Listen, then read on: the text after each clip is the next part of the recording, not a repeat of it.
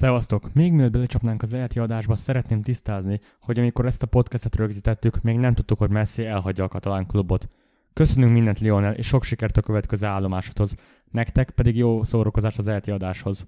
Sziasztok! Üdvözlünk mindenkit a Tipfodász Podcast hatodik adásában. Én Krisztián vagyok, és itt van velem Peti. Sziasztok! Többi adáshoz hasonlóan gorcs alá fogunk venni egy top bajnokságot, nem más, mint a spanyol első osztályt. Meg fog tippelni az első hat helyzetet, kitérünk a legeredményesebb játékosra, és még a feljutó csapatokról is mondunk pár szót. Tartsatok velünk!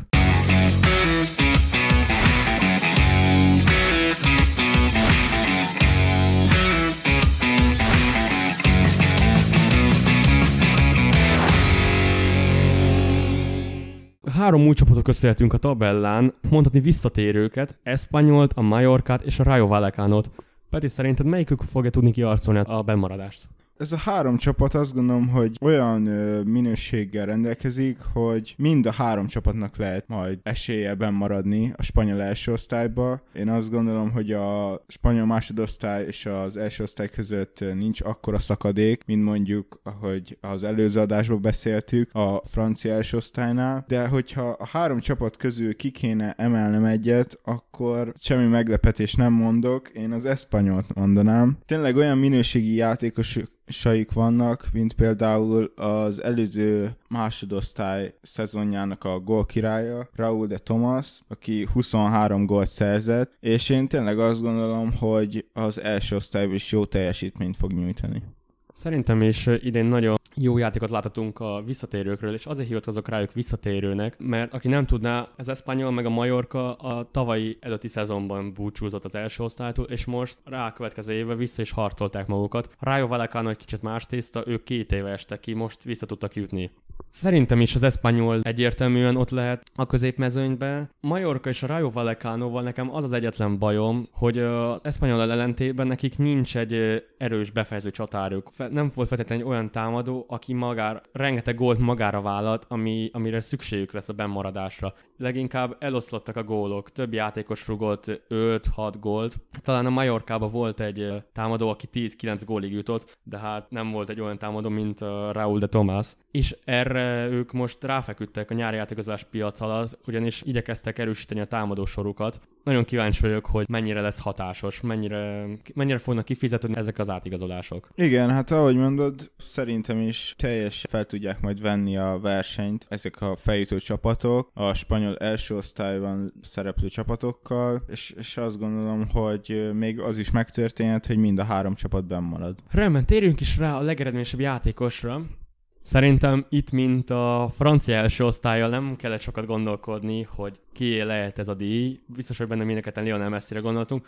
Inkább elsősorban arra lennék kíváncsi, hogy szerinted ki az, aki veszélyt jelent, tehát úgymond konkurenciája lehet ezért a díjért. Igen, hát annyit még azért hozzátennék, hogy valószínűleg, ugye ahogy mondtad, Messi lesz jövőre is a gólkirály. Nem csak azért, mert egy hihetetlen magas szintet képvisel, hanem azért, mert a Barcelonának játéka mindig rá van építve, és ez azt eredményezi, hogy rengeteg sok góllal zár, legyen bárki a Barcelonának a csatára. Viszont Messi azért már elég öreg, én azt gondolom, hogy közelebb lesznek hozzá a, a vetétársak, viszont megint ő lesz a gólkirály. Hogyha pár nevet fel kéne sorolnom, ki jelenthet veszélyt rá, vagy ki lehet a top 5-be mondjuk a legtöbb gólt szerző játékosok között, akkor én három játékost emelnék ki.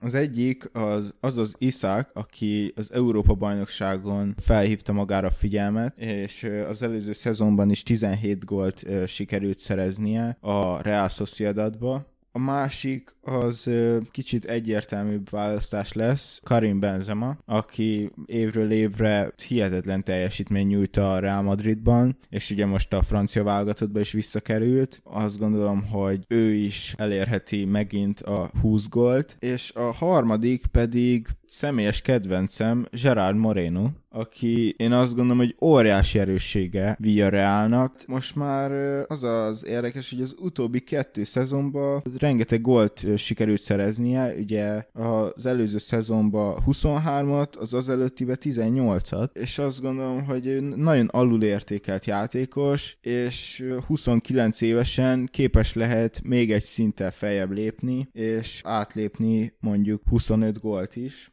Úgyhogy én őket tartom a Messinek a legnagyobb vetélytársainak, ezen kívül ugye még szóba jöhet sok játékos, de én tényleg őket tartom kiemelkedőnek. Igen, már előtte jó pár nevet, én is a Benzemára meg a Moreno-ra gondoltam, viszont még egy nevet kiírtam magamnak, akire talán nem gondoltál, Gerett Bale, aki most ért vissza a Tottenhamből, és úgy gondolom, hogy neki jó tett ez a londoni kiruccanás, ugyanis ami sérüléssel került oda, kevesebb meccset játszott, nem feltétlen volt minden meccsen kezdő, de azt hiszem 11-12 gólt mégis tudott szerezni angol első osztályban. Szerintem Carlo Ancelotti biztos, hogy benne, hogy bizalmat fog neki szavazni, legelső soron bizalmat fog neki szavazni, sok lehetőséget fog tőle kapni. Szerintem ezt rengeteg góla fogja meghálálni. Úgy gondolom, hogy a Real középpálya rengeteg gólpasszal fogja kiszolgálni a Bale-t, aki aki már évek óta egy hatalmas klasszis.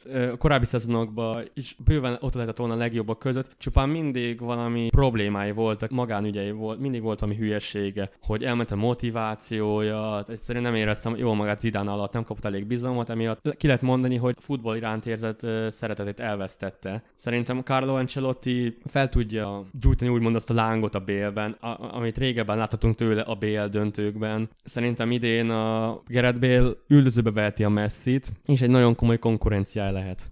Azt gondolom, hogy ez egy nagyon nehéz dolog a Real Madridnál, mert ugye ott van Hazard is, és Bale is. Két olyan játékos, akik azt mondhatnánk, hogy a világ legjobb játékosai közé tartoznak, viszont a hozzáállásukkal óriási problémák vannak, és ez, ez nem titok. Ugye, hogyha Hazardról beszélünk, ő mióta a Real Madridba igazolt, azóta nem tudta beváltani a hozzáfűzött reményeket, többet volt sérült, mint, mint amennyit a pályán töltött, és, és, és tényleg az, hogy amit a Chelsea-ben nyújtott teljesítményt, az összehasonlíthatatlan azzal, amit Spanyolországban sikerült letenni az asztalra. És hát Bélnél is hasonlóról beszélünk, ugye rengeteg hír volt erről, hogy ő inkább golfozik, meg ő nem, nem akarja betartani az étrendet, ugye olyat is nyilatkozott, hogy a focistának lenni olyan, mint hogyha katonaságon lennél, hogy szigorú szabályokat be kell tartani, és hozni kell az eredményeket, és, és azt gondolom, hogy ilyen hozzáállással mindkét, csap, mindkét játékosnál nem, nem jó a hozzáállása szerintem a, a sporthoz. Így én azt gondolom, hogy Bél nem tud majd a következő szezonban annyi gólt rúgni, hogy versenyben legyen messzivel. Mm, teljesen értek veled, hogy a motiváció, hozzáállás problémák miatt ez lehetne a Bélnek az utolsó nagy dobása. Gondolom, ha Carlo Ancelotti alatt sem fog tudni mm, bizonyítani, akkor megfelelkezhetünk arról a Bélről, akit régebben láthattunk. Rendben, akkor térjünk is rá a, a hatodik és az ötödik helyre. Szerinted ki fogják elérni az Európa Ligát? Hát én azt gondolom, hogy a top három mögött nagyon-nagyon szoros lesz a verseny idén is. Viszont én azt gondolom, hogy most a Sevilla le fog, leje fog csúszni a tabellán. Lehet, hogy csak a hatodik helyet fogja tudni elérni. Én a Sevillánál nem látok olyan minőségbeli erőt, erősítéseket, hogy ők még jobb teljesítményt tudjanak nyújtani, mint előző szezonban. Ugye előző szezonban sikerült elérniük a negyedik helyet, csak kettő pontra lemaradva Barcelonától, és mögöttük egy óriási szakadék volt, a, hiszen az ötödik helyen már sokkal több ponttal lemaradva állt a Real Sociedad, Viszont tényleg én azt gondolom, hogy a másik, tehát a riválisai olyan ö, igazolásokat tudtak csinálni most nyáron, hogy, hogy le fogják előzni a Sevilla csapatát. Nagyon érdekes, hogy a Sevillát mondtad. Igaz, most ők nem ők profiláltak a legtöbbet ebből a nyári átigazolási, nyári átigazolási piacból, viszont ne felejtsd el, hogy tavaly évvégén igazolt hozzájuk az argentin Papu Gomez, és most még szintén az argentin középes Lamella csatlakozott a csapatukhoz, egy játékos cserén belül a Tottenhammel. Szerintem a nagyon jó példa arra, hogy milyen egy jó, fiatal, stabil csapat, én megmondom őszintén, én egy fokkal magasabbra raktam a Sevillát. Úgy gondolom, hogy a francia származású Kundé úgy dönt, hogy marad, és nem igazol a Chelsea-be, mint ahogy a legtöbb legyka meg a sportúságíró állítja. Ha meg tudnak egyezni Kundéval, akkor ismét egy olyan csapatot láthatunk, amely rengeteg ponttól megfosztja a top 3-unkat. Én emiatt nem is értek veled egyet. Én ezt a hatodik helyet egy kicsit erősnek érzem. Én a hatodik helyre, hatodik, ötödik helyre a Sociedadot és Villarreal-t írtam. Köztük fog kialakulni a hatodik, ötödik hely. Mind a kettő csapat tavaly is ott volt a legjobbak között. A Real Sociedad ugye elérte az Európa Ligát, a Villarreal pedig megnyerte, megnyerte az Európa Ligát, elverte a Manchester United-ot egy nagyon hosszú büntető párbaj után, amelyben a David De Gea United kapusa hibázott ezzel, megnyer, ezzel kiarcolták BL csoportkört helyet, de kettő csapat tehetséges, eredményes játékosokkal rendelkezik, mint ahogy az előbb említett a Gerard Moreno vezetésével. Ismét sok góra számítok, de amellett sem menjünk el, hogy a Villarrealnak nem elég a Gerard Moreno. Mellé még leigazolták a francia első osztály Reims-től a Bolé Diát, aki azt hiszem 10 11 gólt szerzett a francia első osztályval gyengébb, tehát egy nem egy erős csapatba kiemelkedő teljesítményt tudott nyújtani, és mint ahogy a francia bajnokságban lévő játékosokról eddig tapasztaltuk, hogy nagyon könnyen alkalmazkodnak. Szerintem ő a La Ligába is meg fogja találni a, a góllövő cipőjét, és a Gerard Moreno-val kiegészít, tehát még a tavalynál is eredményesebb játékot fognak tudni produkálni. Real Sociedad esetében pedig szintén említetted az Izákot, aki bolondot csinált a spanyol védőkből az Európa-bajnokságon. Izákkal, Oyarzabállal, Portuval és Januzájjal felállva szintén egy erős támadósort láthatunk. Biztos vagyok benne, hogy ott lesznek a legjobbak között. Én azt mondom, hogy ők lesznek az ötödik. Ők fogják elérni az ötödik, hatodik helyet. Én az ötödik helyre a Villarreal-t raktam. Én azt gondolom, hogy nekik is egy nagyon erős csapatuk van. Ahogy mondtam, Gerard Moreno-t én nagyon szeretem. Ugye azt ne felejtsük el, hogy elsősorban ha jobb szélen szeret játszani, szóval ő még együtt is játszhat egy egycsatáros rendszerben a most igazolt diával, és hát azt se felejtsük el, amit ugye te is említettél, hogy a Villarreal annak ellenére, hogy csak a hetedik helyezést érte el az előző szezonban, megnyerte az Európa Ligát, méghozzá a Manchester United ellen. Szóval Unai Emery csapata óriási szintet képvisel, és azt gondolom, hogy a, a következő szezonban nagyon nagy csatát fognak vívni a negyedik helyért a Real Sociedaddal, hiszen én őket tettem a negyedik helyre. Ugye a Real Sociedadnál, ahogy mondtad, rendkívül erős támadósorral rendelkeznek, és hát azt se felejtsük el, hogy ott van náluk a David Silva, aki óriási kreativitást visz a, a középpályára, és én még akit kiemelnék abból a csapatból, az Mikel Merino, aki az olimpián is szerepel most a spanyol válogatottba, és egy nagyon jó középpályásnak tartom. Nálam így néz ki a top 6-nak a utolsó három helyezettje, és hát ugye nem is kérdés, hogy a top 3-ba kik vannak, a Barca Real és az Atletico Madrid, Viszont, hát mielőtt ebbe belemennénk, én azt azért szeretném tisztázni, hogy én Barca szurkoló vagyok, szóval lehet kicsit elfogult leszek, így a sorrendel kapcsolatban. Próbáltam így objektíven hozzáállni a dologhoz, és úgy átgondolni. Így én a harmadik helyre Real Madridot tettem, mert én azt gondolom, hogy Varánnak és Sergio Ramosnak az elvesztése az egy nagyon negatív dolog a Real Madrid számára, és nagyon kíváncsi vagyok, hogy hogy tudják őket helyettesíteni. Ugye ott azon a poszton Militao, Alaba és Nacho maradt, de hát azért valószínűsíthető, hogy fognak igazolni belső védőt, hogyha megnézzük, ugye, amit mondtam, megnézzük a támadó pozíciókat, ott is minőségben megvannak, nagyon jó játékosokkal rendelkeznek, viszont hozzáállásukkal én nagyon nagy problémákat látok. Ezen kívül új edzőjük van, nagyon nagy kérdőjel számomra a Real Madrid nehezen kiszámítható, hogy hogy fognak szerepelni a következő szezonba, viszont én a riválisoknál olyan nagy minőséget, meg különbséget látok, hogy én a harmadik helyre raktam csak őket. Én azt még nem mondtam, de én a Sevillát írtam a negyedik helyre, viszont arról rengeteget beszéltem. Én is a bronz és az, az ezüst érmesen hezitáltam a legtöbbet. Még most is, őszintén megmondom, még most is gondolkodok, hogy a két madridi csapat között hezitálok. Az Atletico Madrid és a Real Madrid el között, viszont én a harmadik helyre mégis az Atletico Madridot írnám. Mint ahogy említetted, Varán és Ramos igazolásával két oszlopos védőtől búcsúzott a Real Madrid, viszont amit én hiányoltam a régi Real Madridtól, az a pörgős támadósor, amit úgy érzem, hogy most össze tudnak rakni, össze fognak tudni rakni, össze fogja tudni rakni az olasz szakember. Ráadásul rengeteg játékos tér vissza hozzájuk kölcsönből, Martin Odegaard és az Arzenálból visszatérő Dani Ceballos fognak visszatérni, akik fiatalok, pörgősek, szerintem elosztatják a Real Madridba azt a dinamikát, amire szükségük lesz ahhoz, hogy ismét megszerezzék az ezüstérmet. Nagyon hosszú küzdelem után szerintem a Diego Simeone csapata csak a bronzérmet fogja elérni, akik ugye leigazolták Rodrigo de Paul az Udinese csapatából, hirtelen nem jutott eszembe, az Udinese csapatba, csapatából leigazolták, és ha jól emlékszem, ez volt a legdrágább igazolás a La Ligában, mind akit leigazoltak, ez volt a legdrágább igazolás. Nem tudom viszont, hogy mennyire fog beválni, ugyanis az Atletico Madridra jellemző, hogy nagyon mellé tudnak nyúlni az igazolásokkal. Láthattuk már az előző adásban említett Moussa Dembelével, aki azon kívül, hogy kidőlt az edzésen fáradtság miatt, én sajnos másra nem emlékszem az ő részéről. Ráadásul a Joe Felixért kifizetett összeget, és a mai napig egy kicsit soknak tartom.